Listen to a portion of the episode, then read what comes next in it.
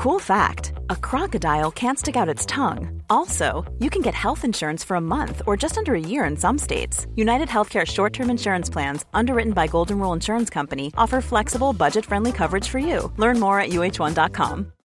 Millions of people have lost weight with personalized plans from Noom, like Evan, who can't stand salads and still lost 50 pounds. Salads, generally, for most people, are the easy button, right? For me, that wasn't an option. I never really was a salad guy. That's just not who I am. But Noom worked for me. Get your personalized plan today at Noom.com. Real Noom user compensated to provide their story. In four weeks, the typical Noom user can expect to lose one to two pounds per week. Individual results may vary. There's never been a faster or easier way to start your weight loss journey than with PlushCare. PlushCare accepts most insurance plans and gives you online access to board-certified physicians who can prescribe FDA-approved weight loss medications like Wigovi and Zepbound for those who qualify. Take charge of your health and speak with a board-certified physician about a weight loss plan that's right for you. Get started today at plushcare.com slash weight loss. That's plushcare.com slash weight loss. plushcare.com slash weight loss. Podplay. Välkomna till podcasten Jägaren med mig Daniel da Silva. Ja, detta är ju kort och gott en podcast där jag i varje avsnitt pratar med en jägare. Och i detta avsnittet då kommer jag att prata med Ulf Lindroth. Jägaren eh, och experten och jaktnörden Ulf Lindroth. Och det avsnittet som ni ska få lyssna på nu, ja det är en uppföljare från förra veckans avsnitt. Och är det så att ni redan nu känner, ah, här vill jag inte hoppa in för jag, jag har inte lyssnat på förra avsnittet. Ja men då gör ni enkelt det. Till exempel på Podplay. Eh, innan vi drar igång eh, fortsättningen på intervjun med Ulf så kommer här ett kort inslag från poddens huvudsponsor Chevalier. Då sitter jag här på Chevaliers huvudkontor och mitt emot mig så har jag Robin som är försäljningschef och hundförare. Eh, välkommen hit! Tack snälla Daniel. Du jagar ju mycket med hund och det eh, gör inte jag själv. Men jag tänkte när man är hundförare, vad, vad tänker man då kring kläder jämfört med ja, passkytt eller pyrschjakt eller liknande? Alltså eh, grund och botten är ju att vi alla vill vara varma och torra när vi åker från jakten eller under jakten. Men eh, hundföraren har ju en annan acceptans och de har ju en annan kravbild på, på vad man vill ha. Mm. Eh, det som är intressant att nämna innan jag går in på det, det är att det finns ju Sverige är långt och det finns ju många länder vi säljer kläder till men det, det som vi eh, anammar då det är att norra Sverige versus södra Sverige har ju två helt skilda krav på vad, vad, som är viktigt. Till exempel i södra Sverige så vill ju hundföraren ha ett slitstarkt tyg. Mm.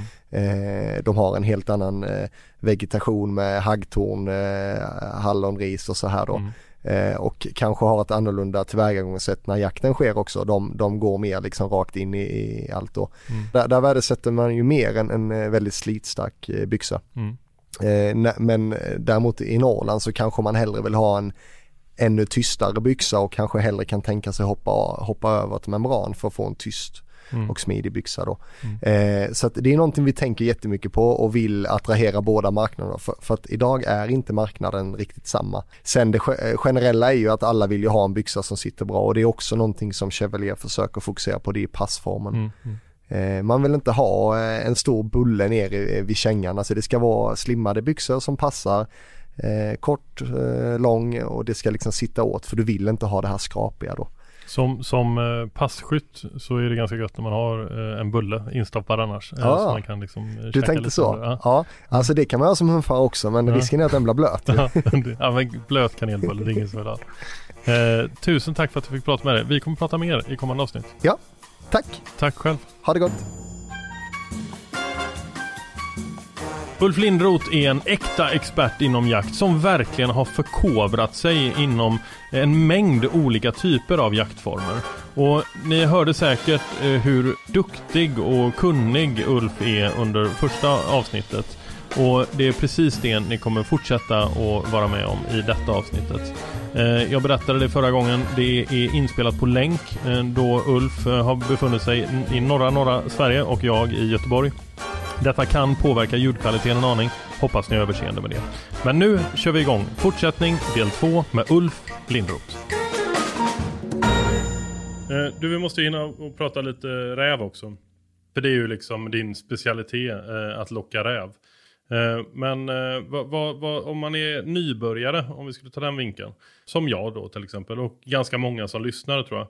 Eh, vad, är det liksom, vad är grunden, vad är det man ska tänka på? Alltså grunden för att locka in en räv, det är ju att det finns en räv tillräckligt nära som inte vet att du är där. Jag skulle nog vilja säga att nyckeln till att lyckas är mm. inte hur du låter utan var du är och när du är där.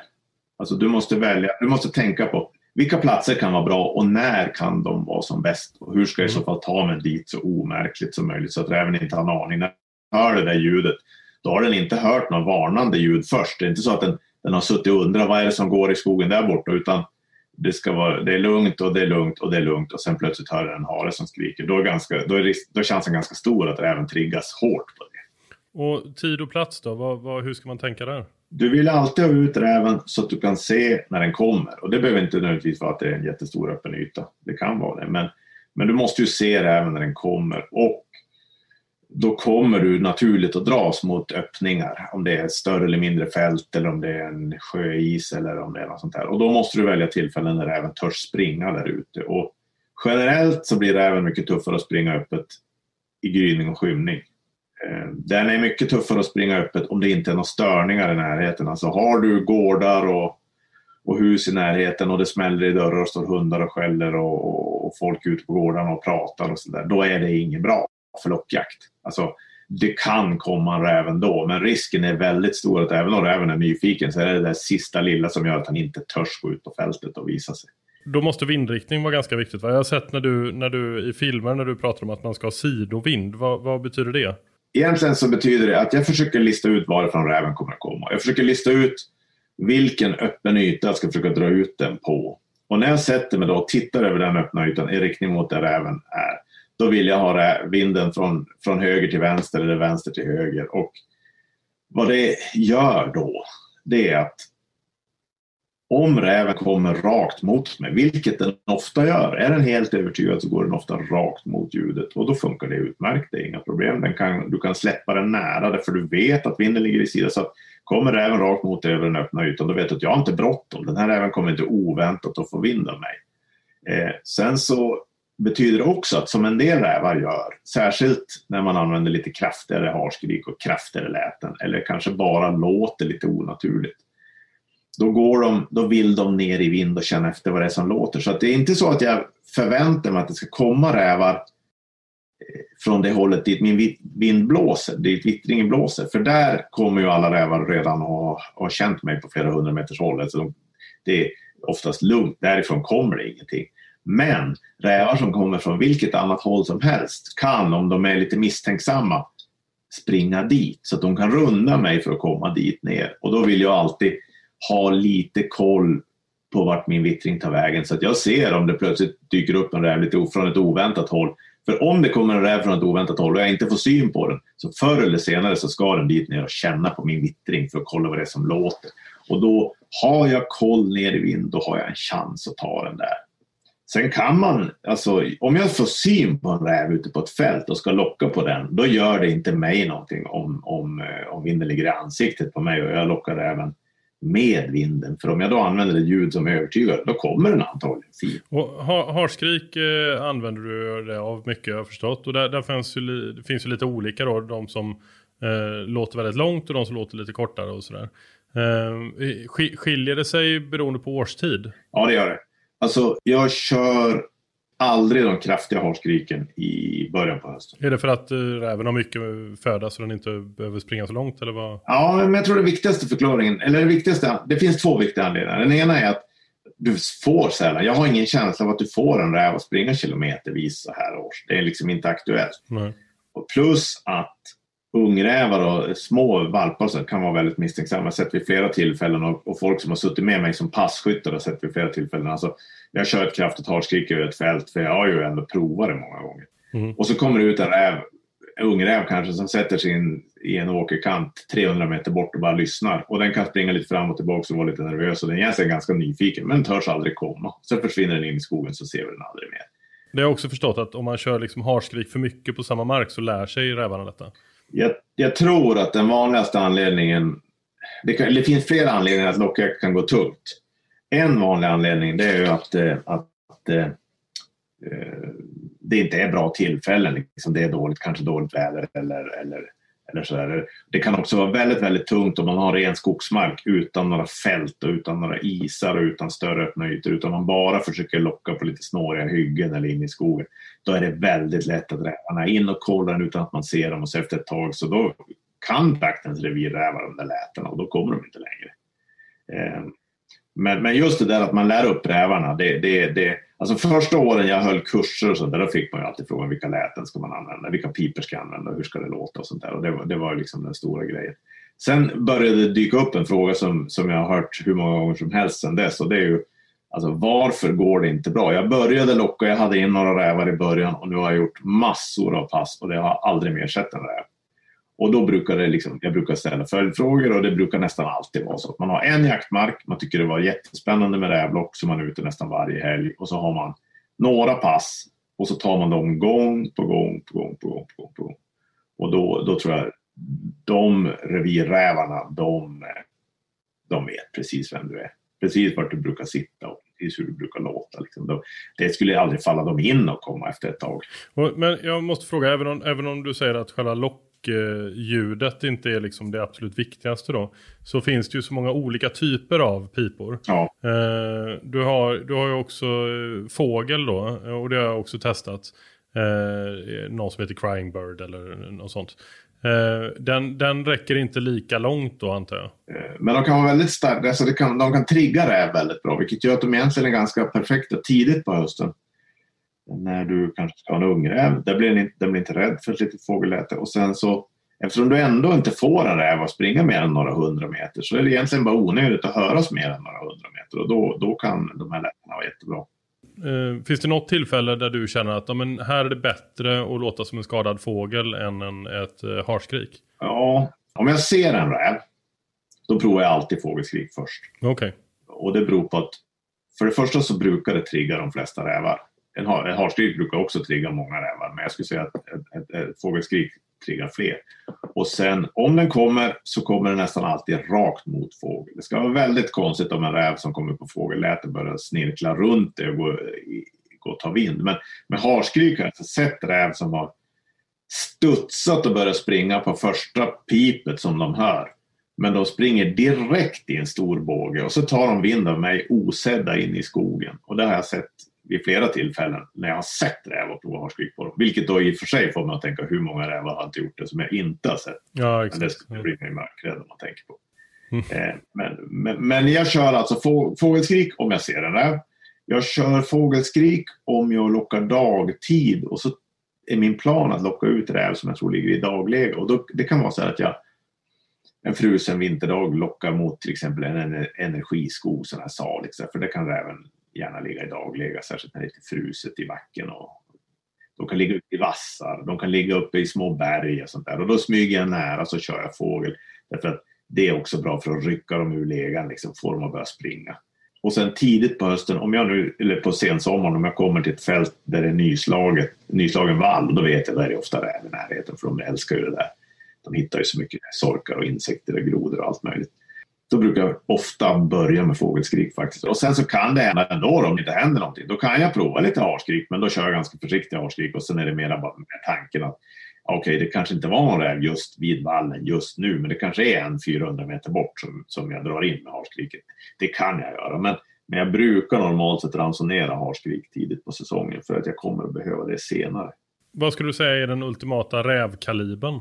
Alltså jag har ju en 204 Ruger och jag har ju svårt att tänka mig någonting skulle vara bättre. Men eh, det ska sägas med det, för jag, har, jag vet att jag har, eh, jag har ju propagerat för 204 Ruger länge, men tyvärr så är det så att när den görs i standardvapen, alltså när, om, om eh, en standardtillverkare eller en studsartillverkare gör ett standardvapen i 204 Ruger, då väljer de normalt sett en viss räffelstigning som är anpassad för för lätta kulor.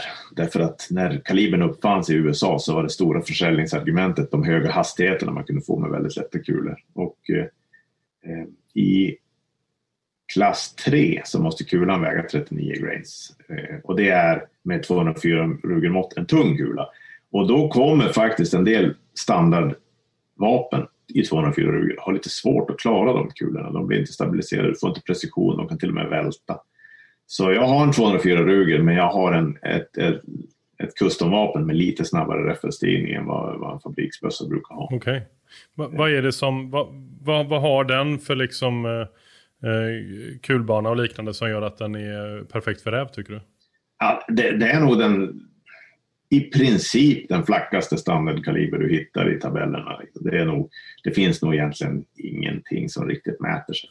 Eh, visst, en hårt laddad 22-250 kanske, eller någon 220 Swift eller någonting sånt där kan väl vara lika flackskjutande, men då har den i så fall en relativt lätt kula för sin kaliber och då kommer den att vara sämre i vind än vad 204 Rugen är. Så 204 Rugen är en grymt effektiv kombination av flack kulbana och relativt lite vindkänslig. Eh, Sen så är det väldigt, väldigt lätt att skjuta med den för det är så lite rekyl. Så att jag har en ganska tung bössa och en väldigt lätt kaliber vilket gör att jag behöver inte tänka på hur jag håller bössan eller rekylupptagning utan om korset ligger rätt och jag gör en bra avfyrning, då tar det. Har du varit med och utvecklat eh, pipor också? Nej, jag, jag, jag har egentligen aldrig riktigt gett mig på det för att jag har inte så mycket att vinna på, på, på att ge mig in i piporna. Utan vad jag gjorde var ju under en lång tid, jag beställde ju sjuka mängder piper från USA framför allt och Tyskland. Där det finns en tradition och, eh, och provade och provade och provade, experimentera, experimentera, experimentera. Så jag har ju, ja det, jag har hemska mängder med piper som jag har provat. Alltså jag älskar din nördighet alltså. Ja, alltså märker, när, det är all in. När, när du går in i någonting. Men jag, jag, och jag, jag, min, min fru och mina vänner tycker att jag är otroligt nördig när det kommer till jakt. Ja. Eh, men eh, de borde få träffa dig så, så kommer ja, de säga ja, att du, du, du är ganska lugn ändå. Det kan bli perspektiv på tillvaron.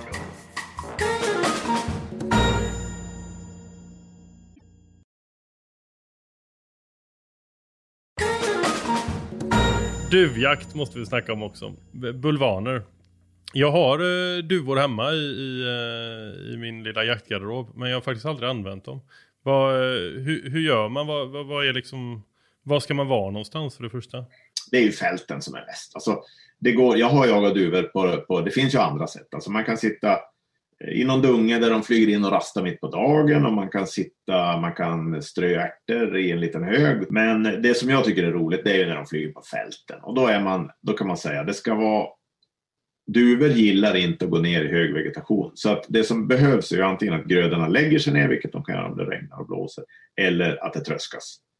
Och så är det ärtor, raps, vete eller för all del korn det fina med duvor är att de är inte morgontidiga och de är inte kvällströtta, eller kväll, sena på kvällen, utan de är igång på dagen ganska mycket.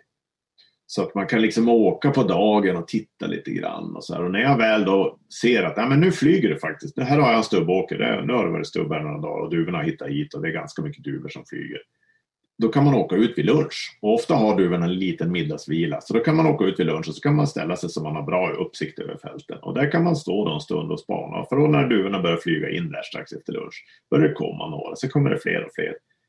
Då håller man bara koll på, okej, okay, varifrån kommer de? Vilka vägar följer de?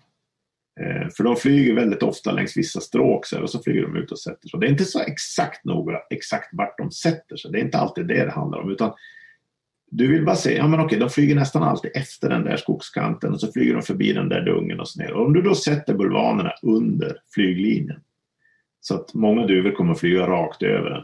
Då är de så sällskapliga så att ser de du bulvanerna på en sån plats då kommer de ofta ner.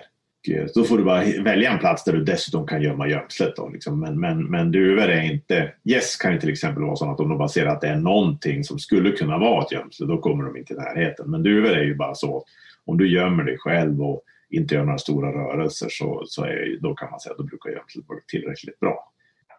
Det roliga är det där att spana, du kan åka ut mitt på dagen, du kan liksom spana en liten halvtimme och så bara får du, okej, okay, det här är min chansning, jag chansar på det där stället. Så går du dit och så sätter du ut grejerna. Och det är inte alls så galet mycket som på en gåsjakt utan det kanske räcker med ett dussin bulvaner.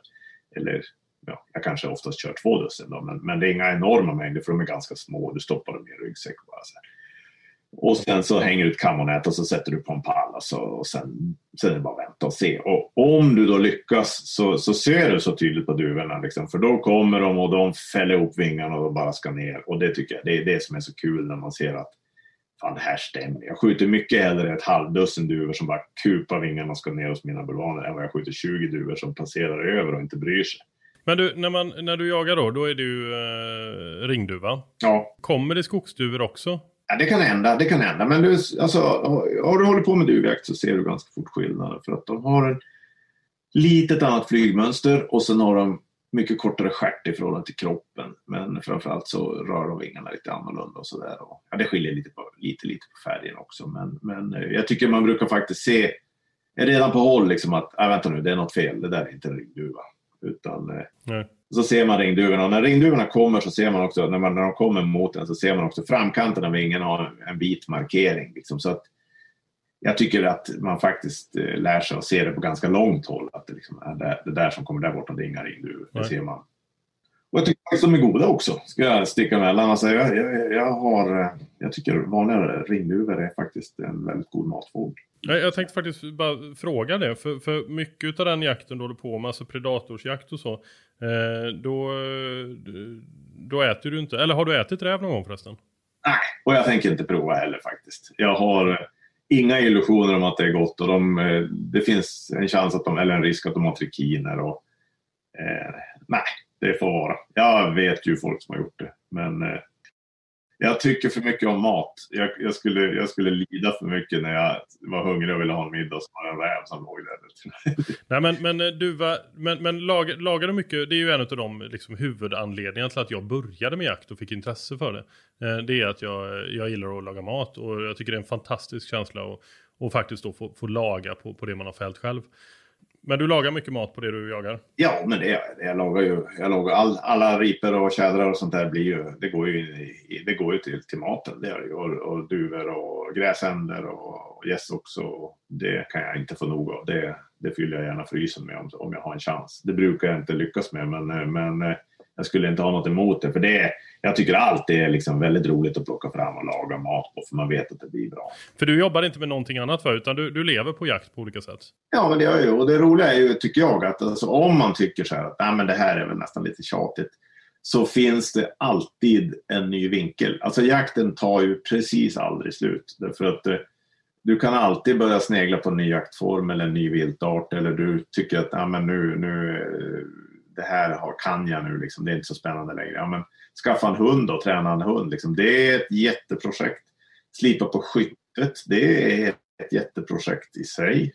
Du kan liksom slipa på skyttetekniken, du kan slipa på vapen och ammunition, du kan det är ju en klyscha, det används ju väldigt flitigt att man aldrig blir fullärd, men det är ju verkligen inget skämt. Det är ju inga, finns ju inga planer på att jag ska hinna lära mig allt jag skulle vilja lära mig under ett jägarliv. Det, det, det går liksom. Nej det är lite grann där som med skyttet, då håller jag på att trimma med en studsare och så, och så är det någon som säger, men behöver du verkligen det där för jakten? Och det tycker jag, alltså det är en fullständigt ointressant fråga. Eh, men jag vill därför att det går. Alltså, det ska gå att få den att skjuta så här. Jag ska kunna träffa det här lilla målet på det långa hållet. Därför att det går. Det måste gå. Och det är syftet. Om jag sen behöver det eller inte, det är ju helt ointressant. Däremot, det kan aldrig vara någon nackdel för mitt jaktskytte när jag når mina sådana här små mål. Och, och, och samma liksom att genomföra den perfekta duvjakten. Alltså de där halvdussinet duvor, de kommer in, de ser bulvanerna och reagerar exakt som jag hade tänkt mig att de skulle göra. Då vet jag bara, ja, det här satt. Och sen så kommer den andra dagen där jag skjuter många fler men de är egentligen inte särskilt intresserade. Alltså då kan jag gå hem och vara frustrerad. Jag går hem med en massa duvor men jag tänker vad fan gjorde jag för fel idag? Har du något sånt där litet eh, projekt just nu som du är mitt inne i där du känner ah, att ja, det, det ska gå? Ja, alltså nu är det ju det stora projektet i år är faktiskt den unga forskaren jag har. Att få, få, få, få jaga in honom och det, det kommer ju inte att bli något banbrytande, jag är ingen stor hundresör. Men jag vill att det ska bli en väl fungerande jakthund och det, det, det, det räcker egentligen för nu. Sen håller jag ju på med några kulvapenprojekt. Jag byter 204 Ruger, jag bygger en ny med lite snabbare refustil, en annan stock. Jag byter en pipa i 6,5 därför att jag är inte riktigt nöjd med den jag har. Och så bygger den 221 Fireballen. Och alla de projekten, då har jag ju faktiskt haft lite tid nu i och med den här coronan i år så har jag haft tid att vara hemma. Så jag har städat upp och fixat till laddrum och utrustning eh, väldigt mycket. Så, att jag tänker att handladdning och precision, det är väl eh, det, det, har väl stått på schemat förut, men det kommer att stå väldigt mycket på schemat den här vintern tror jag. Va, vad har du för liksom eh, jämlika nördar som du kan bolla med? Ja, men jag känner några stycken. Alltså det blir ju så i den här branschen. Det finns ju om man säger, jag kan ju gå in på vilket som helst av mina specialintressen och så finns det nästan alltid någon som är bättre på just den grejen. Så att beroende på vad jag vill, alltså om jag, om jag eh, tycker ja, men rävlock, i sådär, då, då kan jag väl tycka att ja, men gäller det att locka räv i, i, i, liksom i Norrland under, med harskrik under, under vårvintern så då, då kanske inte så givet. Men, men det finns flera som jag känner som är väldigt duktiga på det. Men då är det så här, ja, men om jag tänker rävläten, ja men då vet jag genast de som är bättre än mig på det. Och gäller det jordbruksmarker, södra Sverige, så här, då vet jag definitivt någon som är bättre än mig på det.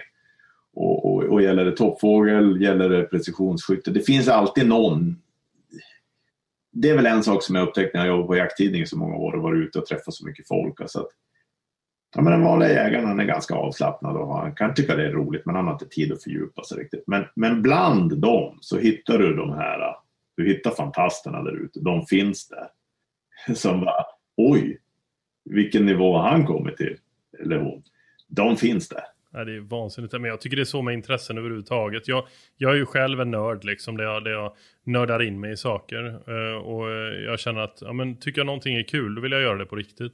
Om, om du tittar på jakten i stort, vad, vad, eh, vad skiljer sig idag jämfört med 10-15 år sedan tycker du? Ja, eh, det som jag tycker kanske en liten fånig trend, det är väl där att man på ett vis backar vad gäller ordinarie jakt i många fall och sen ersätter den med skyddsjakt som jag i många fall tycker är ett sämre alternativ. Alltså, jag tycker man håller normalt sett jaktetiken och sånt där högre i, i, inom, inom den ordinarie jakten medan jakt, skyddsjakt, då kan du kan skyddsjaga duvor fast du vet att de här duvorna som kommer de har antagligen ungar i bona men det är liksom okej okay, för det är skyddsjakt så att då måste man och, och då, då tycker jag inte minst från politiskt håll så är det väl så här tror jag många gånger att det är lättare att försvara skyddsjakt mot de som är ointresserade eller negativa till jakt. Och liksom, ja, men vi måste av den här anledningen så då blir det skyddsjakt. När man egentligen borde vara lite pedagogisk och säga att ja, men det är faktiskt bättre med en välskött jakt i botten så vi slipper skyddsjaga. Det kanske är ett, en, en följd också av att vi faktiskt har mera viltskador i framförallt i jordbruket än vi hade förut. Jag menar gässen ökar. Vildsvinen naturligtvis, men även dov och Eh, så att det, men det, jag vet inte om det är något stort problem. Jag tycker väl egentligen att jakten på det stora hela är rätt så välskött. Sen så, så eh, jag menar, när man stöter på någonting som, som inte eh, sköts bra, då är, då, då är det väl mera enstaka individer som hittar på något dumt. Liksom. Men det tror jag nog alltid har funnits och, det skulle inte förvåna mig om det kanske var värre förr i tiden. För att nu är det ändå rätt så, allt är så öppet och offentligt. Så att, så att eh, jag har en känsla av att gubbarna ute i byarna kunde vara väldigt, eh, ha väldigt mycket hyss för sig en gång i tiden. Hur tror du att jakten kommer förändras eh, framåt då, kommande år? Om du skulle sia om framtiden tio år framåt, vad, vad kommer vara de största skillnaderna? Om man ser, alltså inte minst i Syd och Mellansverige där man har de här stora klövviltstammarna, om, de, om det fortsätter så är det ju väldigt mycket vilt. Man har eh, folk i allmänhet har väl kanske alltid en begränsad fritid.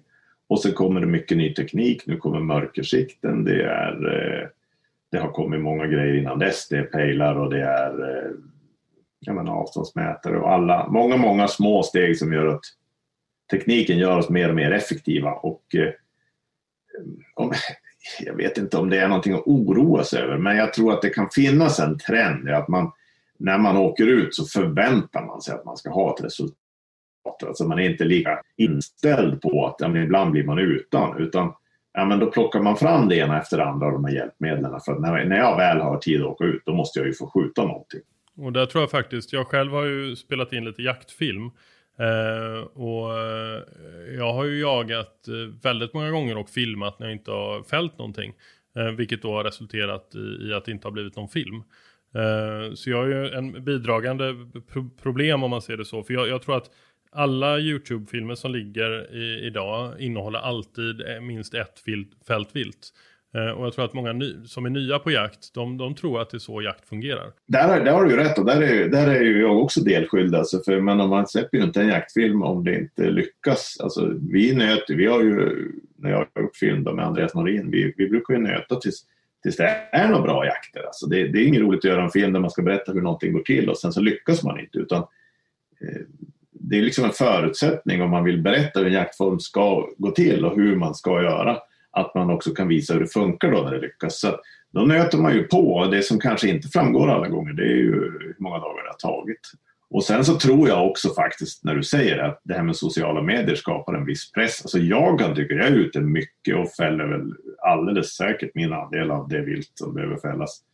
Ehm, men jag kan också tycka ibland när man sitter där och så har man ja, men har man varit iväg och det har gått dåligt, det har varit dåligt väder och hundarna har gjort något dumt. Och, man är liksom, och så, så, så, går man in på Youtube, eller vad säger på Facebook eller Instagram eller något sånt där. Och så är det bara, ja men det är bara att se det 16 augusti, liksom, vad händer? Bara, puff.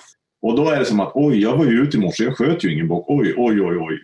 Och så plötsligt så blir det en grej, men det var ju ingen grej förut. När man har liksom visst att ja, men på den här jaktmarken, jag ska bara skjuta en eller max två bockar i år. Och jag har hela jävla fram till älgjakten på mig. Jag tror nog faktiskt också att det finns en stress i de här sociala medierna. Det tror jag inte bara gäller jakten egentligen. Utan det är så väldigt lätt att tro att alla andra har så jävla roligt och gör så mycket, lyckas så himla bra. Eh, det kan vara väldigt selektivt. Plus att man följer många och det är inte alla som lyckas om man tänker och räkna lite grann. Ja men så är det garanterat. Eh, jag vet ju själv bara hur, man, hur det känns när man scrollar igenom. Jag hade ju eh, bockjakten nu den 16, då fällde inte jag någonting. Eh, men, eh, men då hade vi spetsat in oss på en, för vi var ute och rekade dagen innan och då såg vi en, eh, en bock som var halt. Så då var det den vi riktade in oss på då. Så jag, så jag släppte många bockar eller som jag inte gjorde ett försök på för det var den vi var ute efter. Och på morgonen så, så hade vi den, vi låg i en och en halv timme och och tittade på den. Men den var uppe på en höjd utan kulfång och reagerade inte på lock. Så det, den, den, jag visste inte vad det var. Det var någonting konstigt plus att den haltade lite. Eh, och sen eh, på kvällen så var det den vi var ute efter. Och då fällde min, eh, min vän den eh, på ett hygge bredvid mig. Eh, och då var vi klara sen liksom.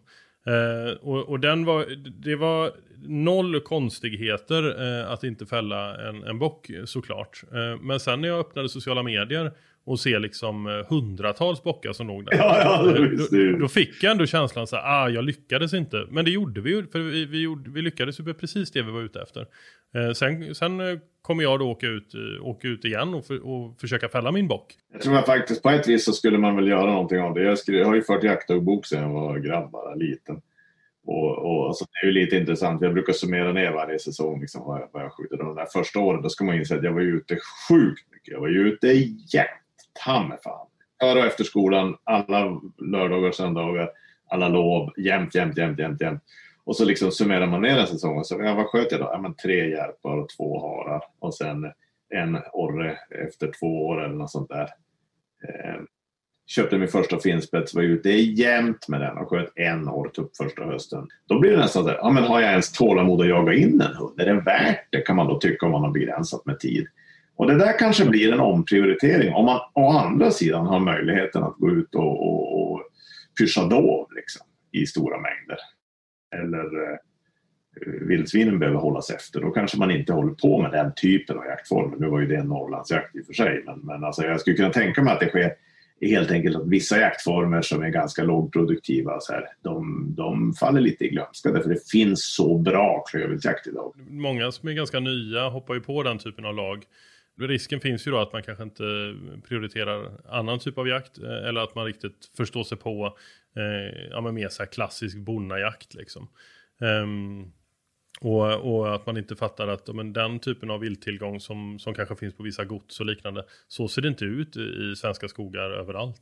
Ja, jag jagar ju mycket, jag har ju stuga uppe i Kiruna, jag har mycket där uppe. Jag menar, jag ser ju inte många älgar på en, på en höst och eh, och, och, och, jag ser spår av rådjur ibland men jag har fortfarande aldrig sett något under jakt eh, Jag har aldrig jagat dem heller men jag liksom, tycker jag skulle sprungit på något i något sammanhang. Men, men alltså några få älgar per år. Eh, och så lite tjäder och lite ripa. Och det är så magert, så magert, så magert, så magert. Hur, hur, eh, hur, hur är din uppfattning om älgstammen? Om du jämför nu med tio år sedan? Ja, det beror nog rätt så mycket vart man är faktiskt. Jag har ju under de senaste tio åren har det väl varit farhågor för älgstammen hela tiden. Men jag har ju kompisar från södra Sverige, riktigt söderöver, som, som eh, de har väldigt taskiga älgstam låter det som. Och eh, här uppe är det väl mera lite grann i vilken fas man ligger med bolagens avskjutningskrav och sånt där. Eh, men, men samtidigt så vet jag, där jag växte upp, där har de haft nu några väldigt bra år med älgtillgången sista åren och det beror ju på att det är bara privatmarker. Ett älgskötselområde med nästan bara privatmarker och, och, och, och storskogsbruket har liksom inget inflytande och då har man valt att ha ganska mycket älg. Så de är ju nästan tillbaka på 80-talsnivåer eh, frivilligt. Innan vi avslutar så bara, eh, ja, du har ju ett otroligt vapenintresse eh, och eh, det kan man väl också prata om hur länge som helst. Men jag tänkte fråga, om jag skulle ge dig ett vapen i, i handen och säga vad tycker du om bössan? Eh, vad är de första sakerna som du tittar på och går igenom för att bilda den uppfattning? Alltså det är balans, eh, hur eh, måtten passar mig, eh, hur trycket är, hur slutstycksgång är om det är ett, om det är ett kulvapen med slutstycke förstås. Men alltså det är hur det är att hantera. För att eh, jag skulle säga, gäller ett kulvapen för normal klövjakt så är inte frågan om det håller ihop träffbilderna på 15 mm eller på 35 mm eller ens kanske 45 mm på 100 meter. Det är inte det som kommer att avgöra om du är effektiv utan det är hur ligger det här vapnet i händerna? Hur kommer det till axeln? Hur är det att skjuta snabba skott med och sånt där. Sen är det frågan om ett precisionsvapen som jag ska till toppjakt. Då vill jag istället att det ska ligga väldigt bra när det vilar på stöd. Men alltså det är väldigt mycket en känsla av hur det känns att hantera i de, i de eh, positioner där jag tänker använda det. Men jag har olika krav på olika vapen. Alltså jag, eh, är det mitt toppfågelvapen eller en bössa som jag ska använda till långhållsskytte eller rävjakt, då är jag djävulskt petig. Då ska det skjuta bra. Och det är inte det att jag kanske till varje pris måste ha det, men jag vet att det kan skjuta bra. Jag vill ha de marginaler på min sida, så jag kommer då experimentera i oändlighet för att se om den kan skjuta. Om den inte kan det, då ryker den. Då ska den bort. Eh. Om, om man har en, eh, som jag då, jag, jag har pipbytare med, just nu har jag en pipas med 308. Eh, och eh, en ganska ny bössa och jag förstår att de, de skjuter väl bättre och bättre efter, efter ett tag. Men eh, hur bra träffbild ska man ha för att vara nöjd tycker du? Man måste vara stenhårt ärlig med sig själv. Eh, därför att väldigt ofta så är det skytten och inte vapnet. Och framförallt kanske ofta stödet. För jag skulle säga, åker du ut på en vanlig skjutbana och lånar det inskjutningsstöd som finns på plats så kan de ibland vara fruktansvärt dåliga. Och då kan det vara väldigt svårt att hålla ihop träffbilderna. Så jag, jag skulle nog ändå säga att skjuter du fem skottserier under 3 cm på 100 meter med jaktammunition ur en ask, då är det rätt bra. Den bössan kommer antagligen, när du, om du ger dig fanken på det och trimmar och fixar med ammunition kommer den att skjuta bättre. Kanske mycket bättre till och med. Så tre skott inom en eh, gammal femkrona ska man vara nöjd med? Alltså du skjuter ju en topptjäder på 200 meter med den utan att ha något större bekymmer om du bara siktar på rätt ställe.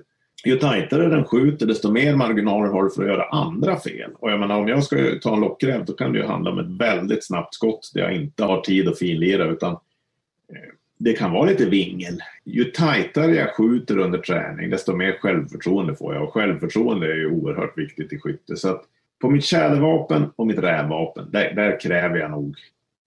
Jag vill nog hålla... Fem, alltså, femskottsserier på 15 millimeter är okej, okay, men jag är inte riktigt nöjd.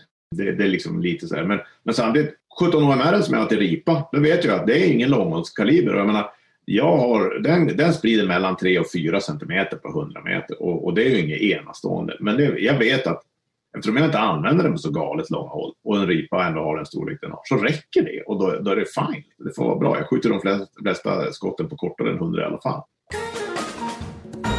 Jag, jag tänkte att vi ska avsluta med en, eh, med en liten eh, lek kan man väl kalla det. Uh, angående jaktprylar. In, nu pratar vi inte vapen eller sådär utan, utan uh, uh, prylar helt enkelt som du behöver till din jakt. om, du skulle få, om du bara får välja fem stycken prylar som du har hemma som du får ha kvar. Eh, vilka skulle du välja då? En handkikare med avståndsmätare.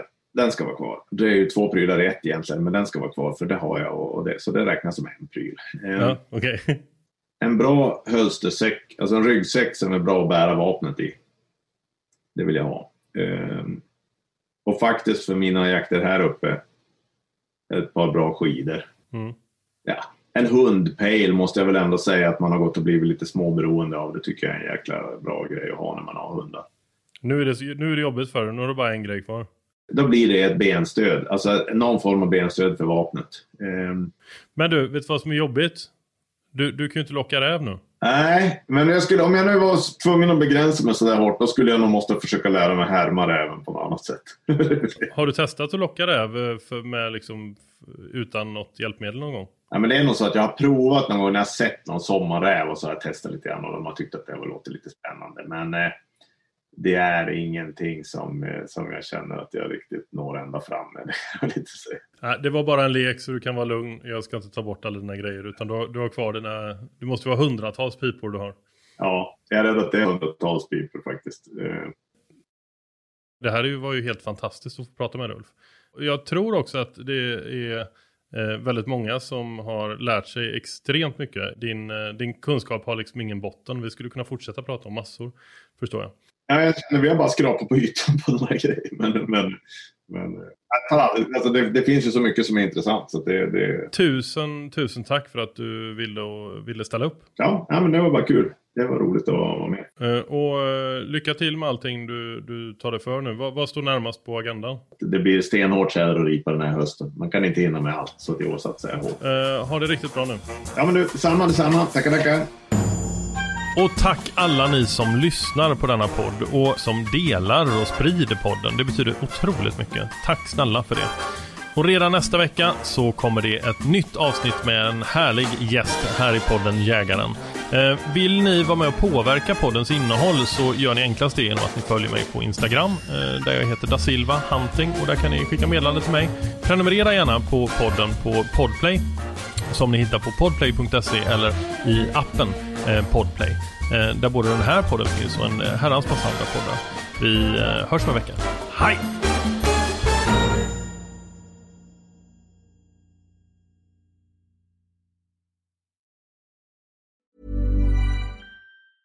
Planning for your next trip? Elevate your travel style with Quince. Quince has all the jet setting essentials you'll want for your next getaway, like European linen, premium luggage options, buttery soft Italian leather bags, and so much more. And is all priced at 50 to 80% less than similar brands. Plus, Quince only works with factories that use safe and ethical manufacturing practices. Pack your bags with high-quality essentials you'll be wearing for vacations to come with Quince. Go to quince.com slash pack for free shipping and 365-day returns. When you make decisions for your company, you look for the no-brainers. If you have a lot of mailing to do, stamps.com is the ultimate no-brainer. Use the stamps.com mobile app to mail everything you need to keep your business running with up to 89% off USPS and UPS. Make the same no-brainer decision as over 1 million other businesses with stamps.com. Use code PROGRAM for a special offer. That's stamps.com, code PROGRAM.